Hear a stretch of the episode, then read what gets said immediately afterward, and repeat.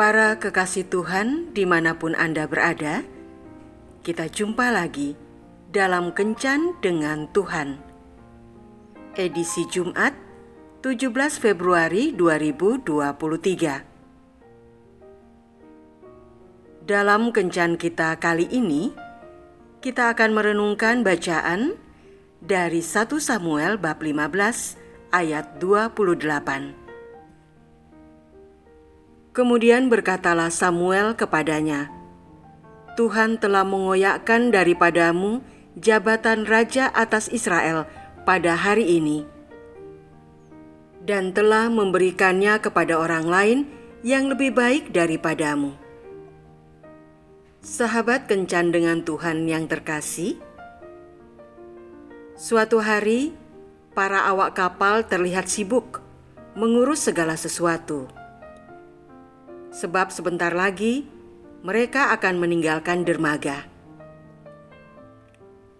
Tapi di tengah kesibukan, tiba-tiba angin topan bertiup dan terdengar suara yang amat keras dari sang komandan. Tiarap! Serentak seluruh awak kapal menjatuhkan diri ke dek kapal tanpa melihat ke kanan ke kiri. Apalagi bertanya kepada temannya, Begitu ada komando tiarap, yang mereka tahu adalah mereka harus taat pada perintah tersebut. Sebenarnya, apa yang terjadi? Ternyata, saat itu ada sebuah kabel kawat raksasa terlepas, mengayun kencang ke sana kemari.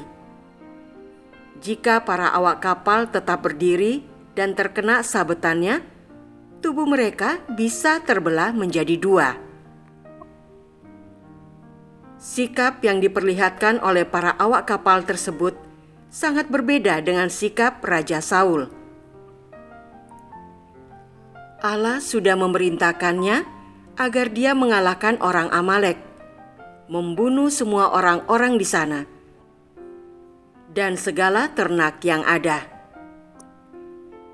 Namun Saul malah membiarkan rajanya agak hidup dan menyelamatkan kambing, domba, dan lembu yang terbaik. Melihat itu, Allah murka. Akibat ketidaktaatan Saul, ia kehilangan tiga hal penting dalam hidupnya. Pertama, ia kehilangan kepercayaan. Ia menjadi pembohong Saul berusaha mengelabui Samuel dengan mengatakan bahwa ia telah melaksanakan firman Tuhan. Bahkan setelah ketahuan berbohong,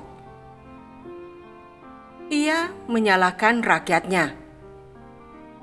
Ia mengatakan, rakyatlah yang mengambil berbagai ternak untuk dipersembahkan kepada Tuhan. Saul benar-benar tidak bisa berkata jujur lagi, dan dia tidak bisa dipercaya. Kedua, ia kehilangan sahabat. Awalnya ia berteman baik dengan Samuel, nabi yang telah mengurapinya menjadi raja. Namun setelah kejadian itu, hubungan mereka menjadi tidak baik.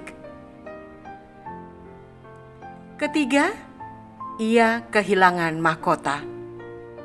Tuhan mengambil alih kerajaannya dan memberikannya kepada Daud. Ketika kita tidak patuh pada Tuhan, pimpinan, atau orang-orang yang berada di atas kita, mungkin resikonya tidak sampai kehilangan nyawa. Namun, kita bisa kehilangan banyak hal penting lainnya minta agar Roh Kudus membantu mengikis sikap kita yang selalu ingin membantah. Karena ketidakpatuhan lebih banyak mendatangkan kesulitan. Tuhan Yesus memberkati. Marilah kita berdoa. Tuhan Yesus, berilah aku hati yang jujur, sehingga kehadiranku bisa menjadi teladan bagi banyak orang. Amin.